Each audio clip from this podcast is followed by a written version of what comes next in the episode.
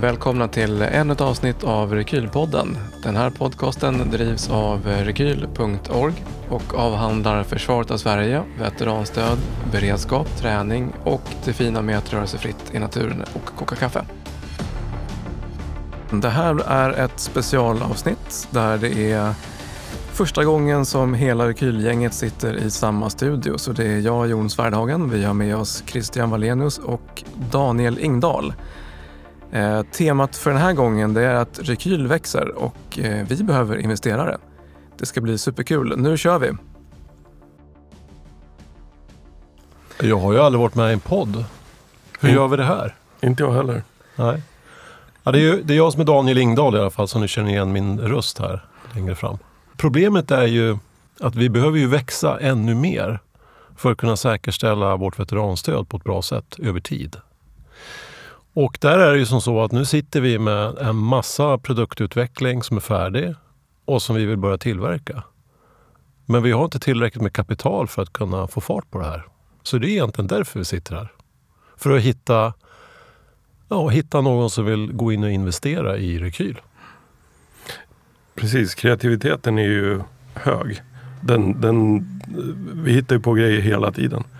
Alltså nya saker, inte bara det vi har gjort hittills. Så det, det finns ju en lista som är lång. Men precis som du säger, begränsningen är ju det att vi kan ju inte komma vidare med det. Nej. Du, Jon, vad har du för bakgrund egentligen? Eh, Den långa versionen tänker jag inte ta, för det tar för lång tid. Men gemensamt för oss är ju att eh, vi träffades i I22, på I22, eh, Lapplands jägarregemente. Alla här inne har ju samma bakgrund därifrån. Vi har också samma bakgrund ifrån kommunikationsvärlden. Så under hela mitt liv så har jag jobbat med kommunikation. Det är väl egentligen det enda som jag är bra på. Eh, och framförallt med branding och eh, e-handel. Och sen har vi eh, Christian här också, Christian Wallenius. Mm. Det är Christian, konstnären. Jag, ehm, precis, har vi också samma start gemensamt i 22. Och sen så blev det planer på Konstfack. Eh, sladdade över på Beckmans. Gick där, började lite på reklambyrå och sen så blev det designbyråer var det någonting. Jag jobbade jättemycket med varumärkesidentiteter och sådana saker i herrans massa år. Och eh, det har blivit senaste tiden en hel del illustrationsjobb och grejer också. Så att det, är, väl- det är väl den bakgrunden som är. Så det är hela den delen av kommunikationsbiten har då varit den, den visuella biten av det, om man säger. Så att eh, det är ju, det är ju min styrka liksom att köra på med, med allt som har med form, färg och form biten då, kan man säga. Det roliga är att vi har ju träffats varandra, alltså vi har träffat varandra i olika konstellationer i kommunikationsvärlden. Både du och jag Daniel och eh, du och jag Christian. Vi har Ja. jobbat ihop eh, Mhm. i flera Mm. projekt Mm. långt, långt innan Rekyl startades. Mhm. Mm. Så det är ju en liten värld den här kommunikationsvärlden och den är ännu mindre när man kommer från den bakgrund som vi har. Och Daniel, din bakgrund, eh, kör kort om den. Ja, var det? ja, som sagt var, I22 det var där det började på något sätt. Eh, vi lärde känna varandra där. Sen efter MUX så läste jag ekonomi här i Stockholm. Och eh, efter det så söks jag in i kommunikationsbranschen och eh, har varit där ja, drygt 20 år. Jag har jobbat som byrå-vd, strateg, till och med kreatör också. Men, men framförallt uppe på ledningsnivå har jag varit väldigt mycket. Eh, men eh, det, till slut så kändes det som att jag var färdig med det.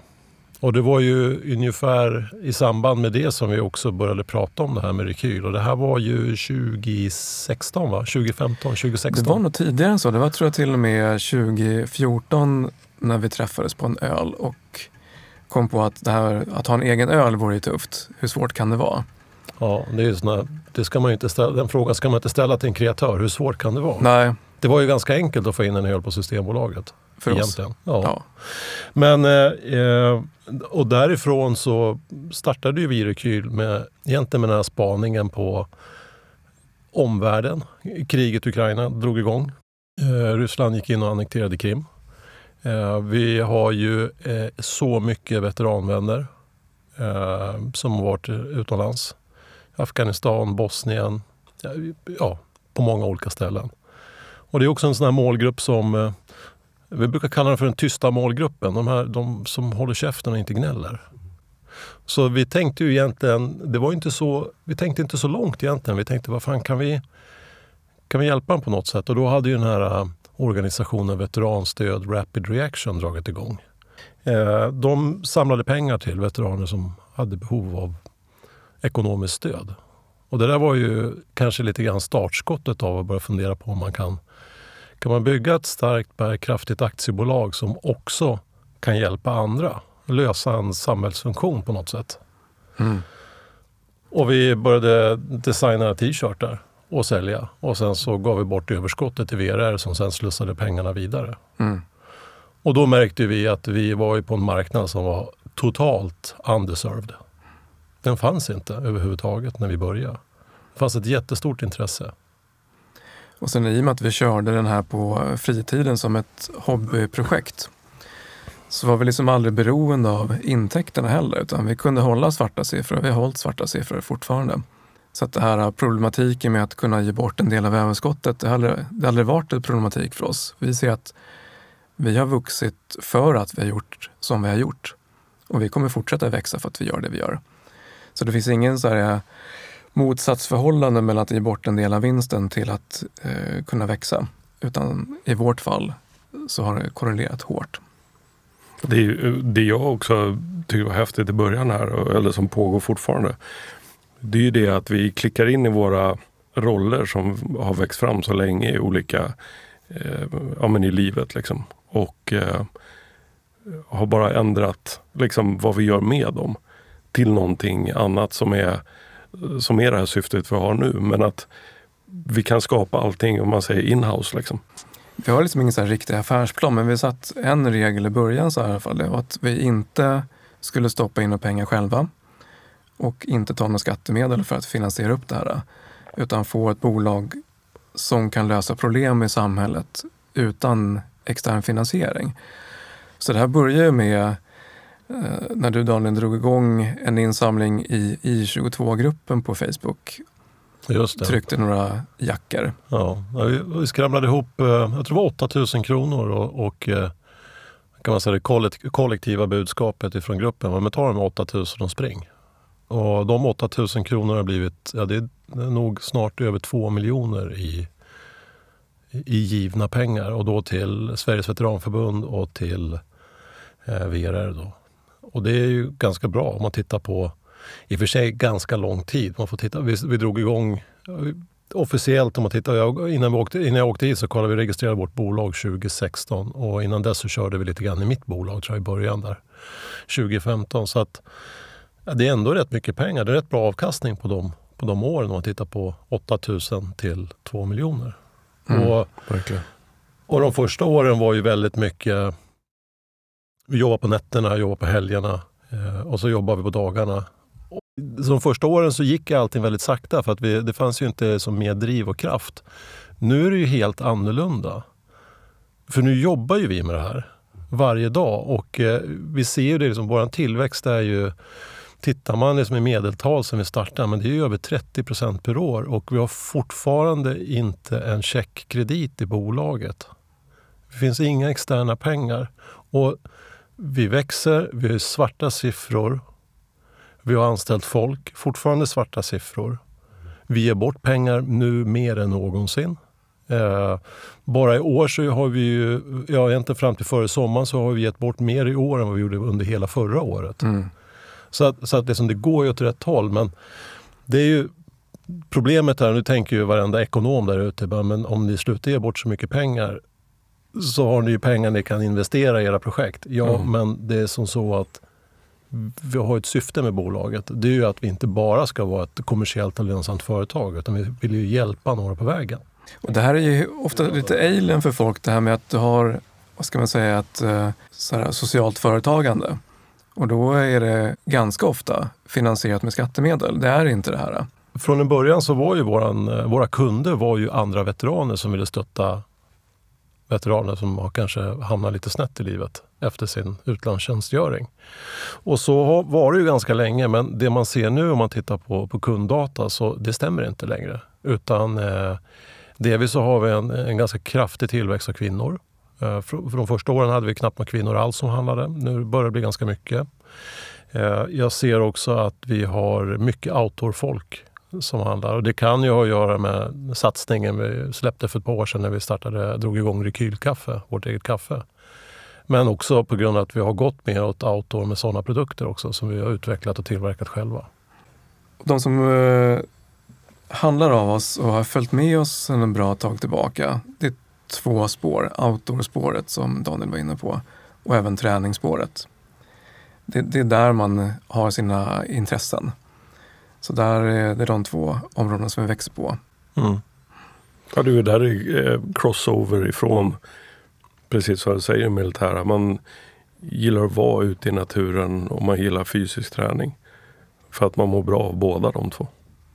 Nej men det är ju, alltså det här med träningen är skitviktig. Alltså den är viktig för alla. Jag menar vi är ju, ja, vi är ju runt 50 Mm. och vi tränar ju jättemycket.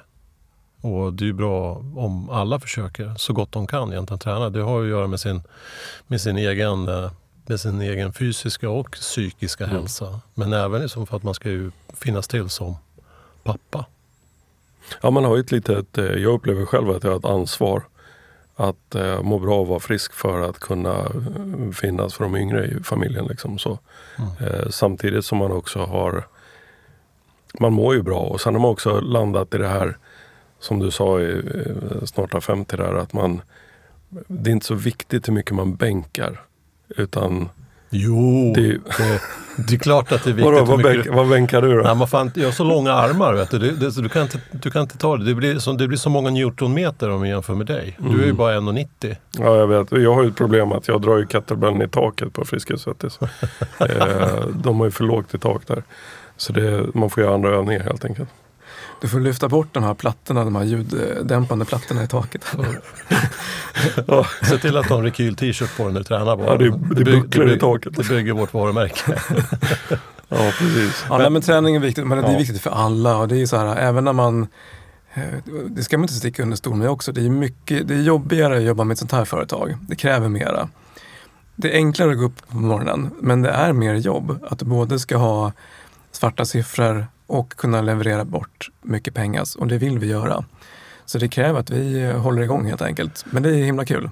Jo, ja men så är det. Eh, någonting, alltså det här är ju lite grann, det vi egentligen gör här nu, vi försöker ju pitcha till folk där ute att investera i rekyl. Så vi kanske också ska säga det att vi 2021 blev utnämnda till att bli årets veteran. Eller det är ju egentligen en, en eh, individuell eh, utmärkelse men vårt företag Rekyl fick det. Ja, det är unikt att ett företag blir utsett till årets veteran. Så att eh, med det sagt, veteran-communityt har ju liksom checkat och tagit hand på att det vi gör är bra och det fungerar. Och jag vet ju också det är väldigt många som, som man pratar med där ute eh, som tycker att det vi har gjort med Rekyl och dess innebörd och dess symbolik har gjort det, det är som ett kännetecken för en ganska stor grupp människor som delar samma värderingar. Mm. The Tribe. Ja, det har blivit, det. Har blivit det. Och jag håller på att ska förbereda en presentation här som jag ska ha för en leverantör som jag jättegärna vill jobba med. Vi kommer komma tillbaka till det här med hur vi tänker på vår produktion och vår målsättning med att försöka ta hem så mycket produktion till Europa och till Sverige. Och ibland så måste man ju förklara sig vad vi egentligen håller på med. Det kan vara lite komplext att se utifrån. Och då kunde jag räkna det till 23 stycken individer, alltså som har skickat in bilder, som har tatuerat in vår logotyp på kroppen. Jag älskar ju det som formgivare. Att man suttit och pillat med något i, i skissblocket och i datorn efter någon av våra idéer. Och sen så är det någon tokfrans som gillar det så mycket så att de tatuerar det. Ja, jag kommer ihåg det. Det är fantastiskt. När jag, när jag pluggade så på marknadsföringskurserna så tog de alltid upp Harley Davidson som det här Mm. supervarumärket då. Som folk tatuerade in logotypen på kroppen. Mm. Nu kan ju inte vi riktigt jämföra oss med deras storhet, va? men det är just det där med att helt plötsligt så sitter vi och rattar ett bolag där folk faktiskt gör det. Jag tycker ju bara att det sitter ett litet klistermärke på en skrivplatta på en officer någonstans i Försvarsmakten som man ser värmer lite i hjärtat när man, när man upptäcker det. Att det, det finns någon som vill visa vårat, att man är med i gemenskapen Mm. på Mm. något sätt, lite diskret. Mm. Men ändå har klistrat dit det för att jag är med, jag stöttar, jag tycker det här är bra. Och så. Den är ju, den är ju på någon baklucka på någon bil och sådär. Liksom. Ju- Eller de här som hör av sig för att de har varit på Ullevi på någon konsert. Får syn på en t-shirt som jag tagit fram. Och till slut så börjar det bli fler och fler med liknande t-shirts ifrån oss. Eh, och det slutar med att de har efterfest tillsammans bara för att de har samma t-shirts. Det är kul att höra. Jo, det, det är den här hemliga nicken i tunnelbanan när man möter någon med rekyl-t-shirt och man själv har den på sig. Och det här är ju liksom, vi ser att vi skulle kunna serva den, den delen av eh, alltså vår målgrupp och en större målgrupp också för att vi har ju så enormt mycket erfarenhet av att vara ute. Och av att liksom hålla ihop och funka liksom över flera dygn. Inte bara åka ut och åka hem utan jag vet inte hur många grejer som egentligen är färdigprototypade som vi har tillverkningen klar, vi har kvalitet klart, allting är klart. Men det är så här bara, okej, men det där projektet 800 000 spänn.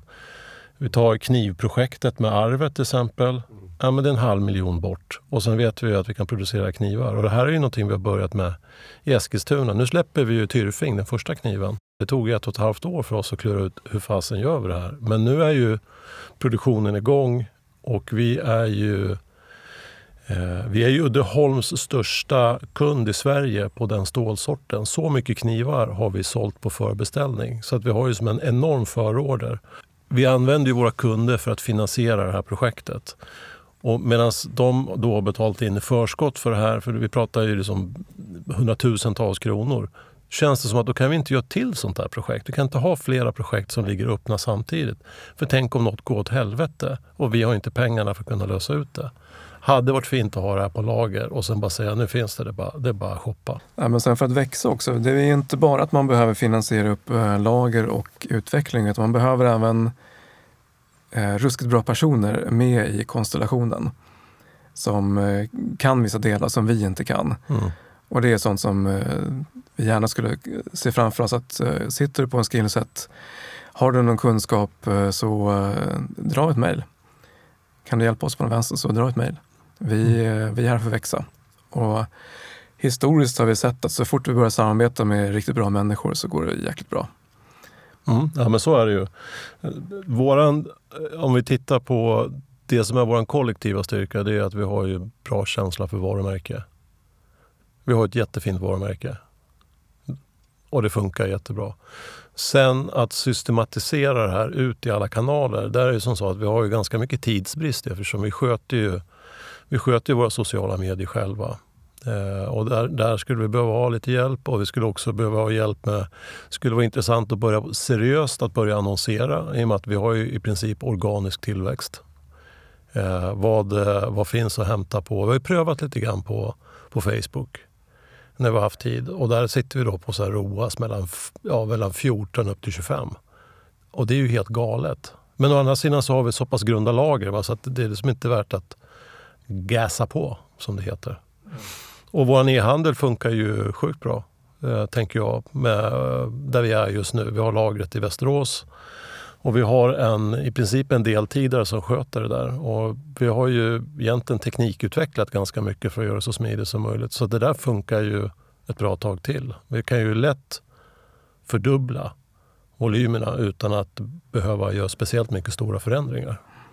Det som är kul också det är att eh, vi ser fler och fler som handlar från andra länder.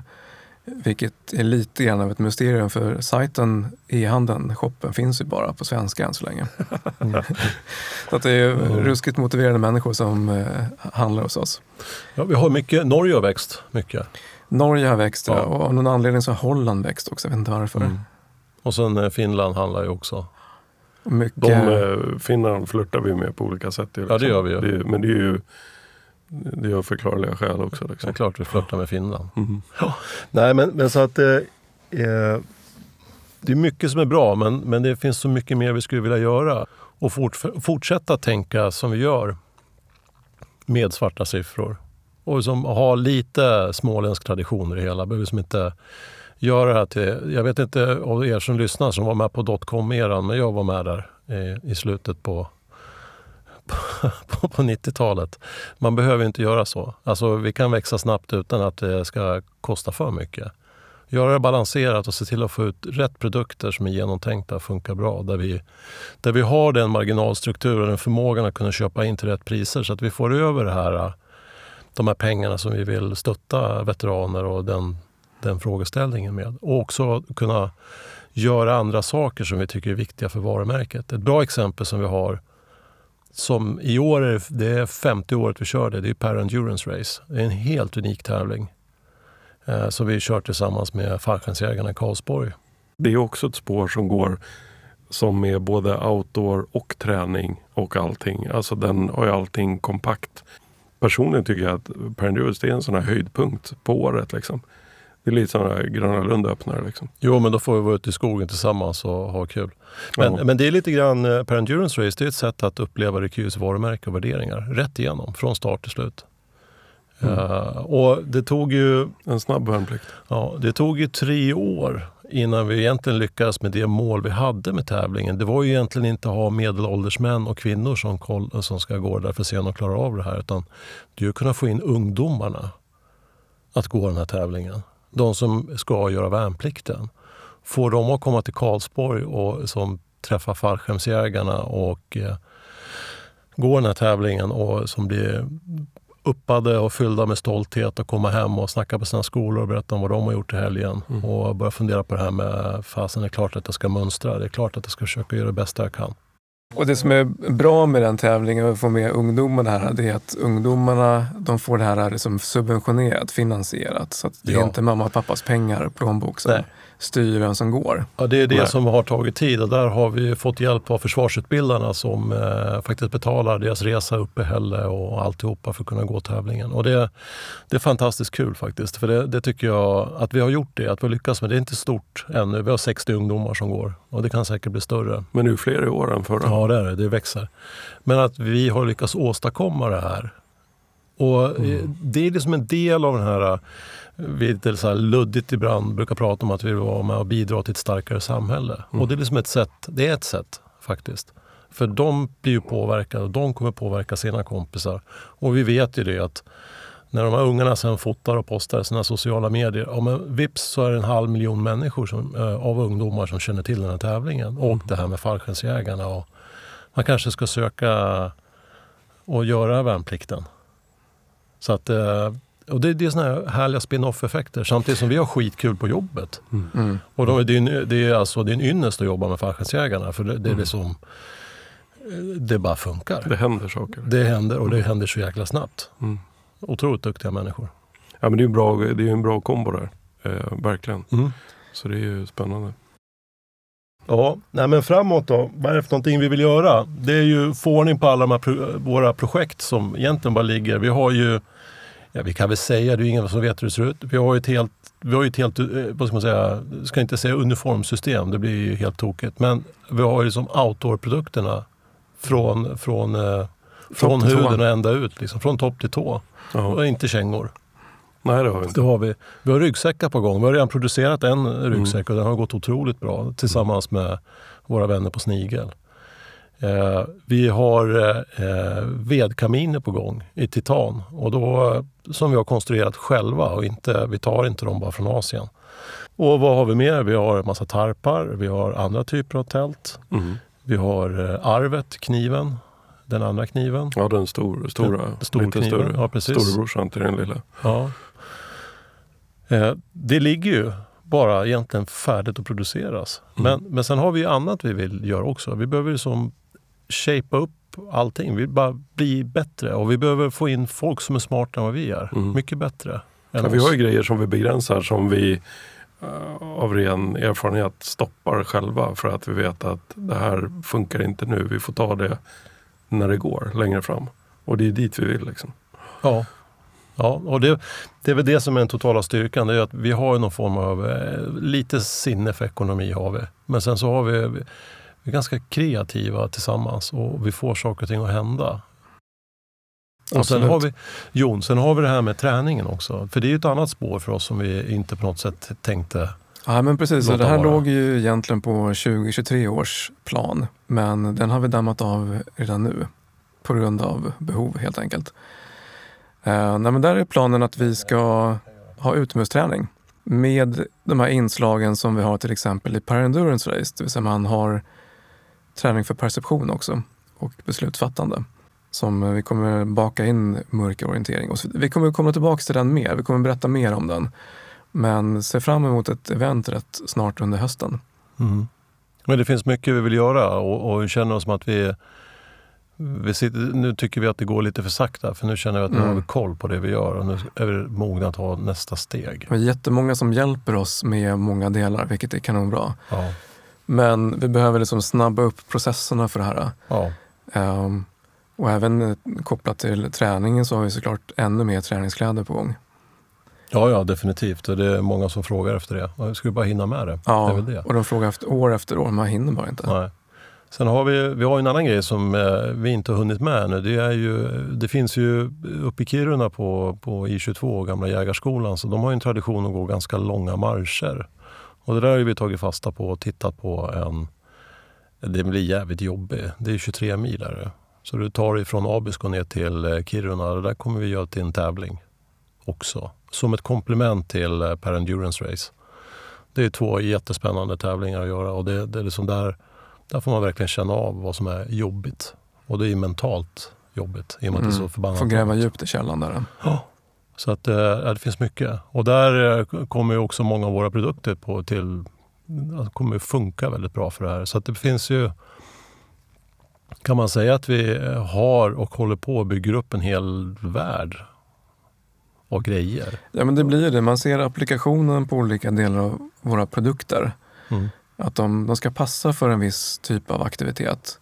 Till exempel för att eh, ja, men ha lättvikt ute i naturen till exempel. Eller funka enkelt i vardagen och, och, kanske också för ren beredskap. Och apropå det, med, apropå det där med förberedelse då, så någonting som du har drivit ett projekt ganska hårt och länge, det är ju våran bok Alltid före. Uh, som vi släppte, vi började skriva på den, här, det var strax före coviden, visst var det så? Det här var före pandemin, det ja. stämmer. Mm. Uh, så när den kom ut, då var ju allting i full fart kan man säga. Mm. Men det här var ett projekt som vi, apropå det här med att ta hem produktion till Sverige, valde att lägga i Sverige. Vi hade kunnat säkert trycka den mycket, mycket billigare i andra delar av världen. Men nu valde vi svenskt papper, svenskt tryckeri. Lite dyrare, mycket bättre för samhället. Ja, ja. men boken har, den är ju på sin andra upplaga nu. Och det här ska ju sägas också, vi har gjort det här utan, vad kallas det för, publicister eller Ja, vi, vi, vi hoppade över hela bokförlagsidén och distributionen via boklådor. Utan vi har ju sånt tryck i, i vår nätbutik så att vi, vi sålde den där. Och hur många tusen, jag tror vi kan vara uppe i 4 000 ex sålda eller mer. Börjar bli, första upplagan var på 3 000, ja. så tryckte vi 3 000 till. Ja, vi, jag tror vi är inne på nästa batch nu. Tror jag, jag är inte säker. Ja, men det kan nog vara så. Ja. Absolut. Så att, eh, och det är ganska bra för, för den boken i den här genren. Det har jag förstått av folk som jobbar i förlags och bokbranschen. Men, men där ser man också kraften av hur vi jobbar med marknadsföring, hur vi jobbar med försäljning och hur försäljningen egentligen påbörjas långt innan vi ens är färdiga med produkterna. Mm. För vi har ju vänt lite grann på det här. Vi är ju transparenta med det vi ska göra.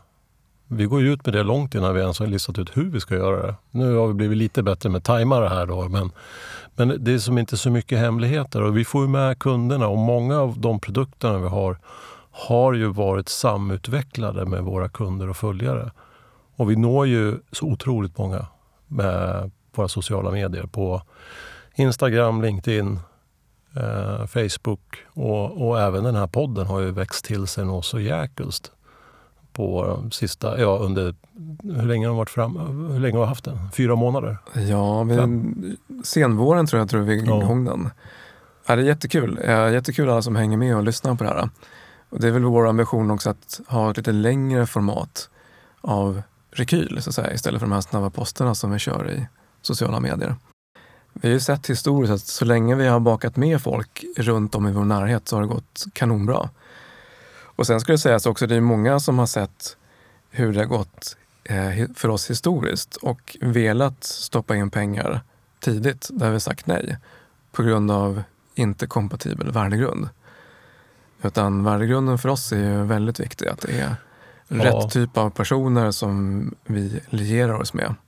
Delvis det, men sen också delvis för att vi själva inte haft någon direkt plan. Den har ju vi Mm. formerat nu under ett års tid om vad det är för någonting vi vill göra med Rekyl. Mm. Det vi skulle få att växa med de här bitarna med, med outdoor och med träning och, och det här som vi känner att vi har som en väg framåt nu som är mer tydlig. För att det är sådär att de, när man ska förvalta andras pengar blir, tycker jag det blir alltid lite läskigare.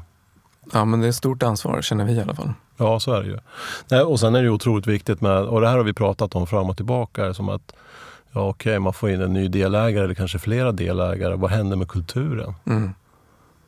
Det, för det, det, det är ju så här, alla vi tre jobbar ju för att vi tycker det är kul. Ju. Jag menar, det finns ju enklare sätt att tjäna pengar på än att jobba på Rekyl, tänker jag. Så är det. Mycket men det är enklare. svårt att få det roligare. Nej, så, så kul har jag aldrig haft det. Så, så att, Nej, så, man nyper sig i armen ibland. Lite sådär för att liksom kolla att man ja, är vaken. Liksom. ja, det är helt fantastiskt. Mm. Eh, så, så att det är ju, de där bitarna är ju kanske egentligen en sån lite större orosmoment, i alla fall för mig, att känna det som att vi, man får det att funka då med nya människor, att vi kan forma... För det, det finns ju nya viljor och kunskaper och kompetenser och kultur som kommer in. Och det är att Mm. vi ska kunna forma det här framåt och få det här att växa vidare. Och samtidigt ha det kul Ja. på, på jobbet. Och sen är vi ju ödmjuka inför att vi kan ju inte allting. Nej, Utan det är därför vi vill ha in folk som är smartare och duktigare än vi är. ja, tänk att det har tagit så lång tid för oss att förstå det. Ja. Men det, det har man ju märkt eh, ganska många gånger på Rekyl när vi kanske har tänkt fel och eh, lite aningslöst gett oss i kast med grejer som vi kanske inte riktigt har förstått. Och det ska ju sägas också, den här typen av företag, det är ju inte vanligt när man driver företag på det här sättet i Sverige. Utan man, man har en förväntansbild på att det, det allmänna löser det, det allmänna problemen. Men vi har sett att det här kan faktiskt företaget gå in och lösa problem. Eh, den här modellen är kanske vanligare i USA.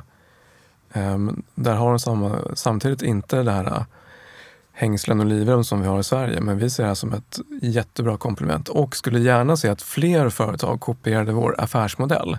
Kanske inte vår design, men gärna affärsmodellen. Ja, vad är nästa steg då? Vad ska man göra om man tycker att det här verkar vettigt? Ja, då får man ju komma och sjunga och dansa på Rekyl. Nej, skämt åsido. Vi behöver träffa folk som är intresserade av att eh, hjälpa oss att ta bolaget vidare. Både med kunskap och med kapital. För att eh, egentligen i första hand så är det kapital vi behöver ha. Eh, och en stor del är ju lagerfinansiering men sen är ju en del kapital behöver vi ha för att eh, få in nya kompetenser som kan Mm. ta det här vidare. Men vi behöver träffa folk nu. Och produktutvecklingen den tar ju tid Ja. eh, och energi och kontaktnät också ska jag säga. Så där, eh, det är en sån del. Där kan man nästan åka in och, och jobba på en gång, bara kavla upp ärmarna. Ja, eh, få in en, en sån individ på, som har ett välutarbetat nätverk i gärna i produktionseuropa och inte bara i Asien och Pakistan och de här delarna. Utan att vi har ju någon idé om att vi ska börja tillverka mera i Europa och i Sverige. Och vi har ju börjat eh, och gör mycket redan nu. Men mer tycker vi att vi ska göra där. Och som det ser ut just nu med logistik och sånt så känns det också inte helt orimligt. Men det finns en del liksom i värdegrunden att kan vi producera i Sverige så ska vi göra det. Jag menar, annars så har vi inga fabriker kvar i Sverige till slut. Mm. Det är ju, vi kan inte bara tänka på sista raden. Ja, men där är ju kniven ett utmärkt exempel. Klart, den är inte den billigaste kniven, men den är helt utvecklad i Sverige och tillverkad i Sverige. Jajamensan. Och, 100 sven, och svenskt stål. Svenskt stål, ja. Ja. Alltså det är kul och det, har vi ju, det tog lite tid men nu har vi faktiskt återetablerat knivtillverkning i Eskilstuna. Sista producenten eh, tror jag han kastade in handduken för tio år sedan. Men jag kan nästan, skulle nästan kunna sätta mitt andra eh, långfinger på att eh, det kommer säkert eh, återuppstartas igen. Och då är det rätt kul att det är vi som faktiskt har bidragit till den biten och synliggjort det här med att vi tillverkar knivar industriellt i Sverige och i knivstaden Eskilstuna. Mm. Det är kul. Ja, det är Ja, fantastiskt det, och det balla är att det inte bara, då, nu snackar vi inte bara veteranstöd utan vi snackar ju också att vi genom att lägga produktioner och leta efter produktioner och sådär så kan vi hålla andra företag vid liv också. Genom att man på det här sättet jobbar på det här sättet just internt. Ja. Nack, är ju, ja, nackdelen är ju det att eh, prisnivåerna blir ju också lite högre och Mm. eh, det är ju många kunder som tänker på det. Och när de reagerar på det så tänker de då inte på att eh, det är ju också lite grann priset man får betala om man vill ha saker som är tillverkade om vi ska kalla det för närproducerat, så blir det lite dyrare. Tills dess att man har så pass, vi har så pass mycket kapital att vi kan byta tillverkningssätt men ändå göra det i Sverige. En sista grej då, väldigt viktigt att säga. Vi har ingen choklad, chokladfontän i vår repa. Vi har ingen reception överhuvudtaget. Utan vi har ett lager med skitiga skrivbord, det är där vi jobbar. Så det är liksom... Ja, vi har ett kök också ja. på Gärdet. Och, ja, men precis. Ja, man slipper, hemma i era kök, ja, precis. Man slipper dessutom att haka på ett bolag som håller på med social, social washing. Ja, nej. Det vill säga som först säljer tobak och brunkol och efter det sen ska bygga ett legacy. ja, precis. Nej, men så att, så att eh, vi är, jag vet inte om vi ibland kan kallas för dumsnåla, men vi, vi är jävligt försiktiga med pengar. Men, men nu har vi så mycket... Vi hastar långsamt. Ja, men nu har vi så mycket erfarenhet och vi vet vad som funkar. Så nu, nu känner vi att nu är det dags. Cool då, vi ja. säger så. Mm, tack ska ni ha alla vänner. Tack, så tack, tack, tack, syns vi i eh, alla kanaler framöver. Tack ska ni ha. Ja, tack så mycket. Tack för Tja. att ni lyssnade. Passa på att eh, prenumerera på podden och tveka inte att ge den betyg. Det här gör det enklare för andra att hitta hit. Eh, länkarna från avsnittet hittar du i show notes och oss på Rekyl hittar du på rekyl.org. Och till sist, se till att öka din handlingsfrihet genom att ge dig ut och träna. Tja!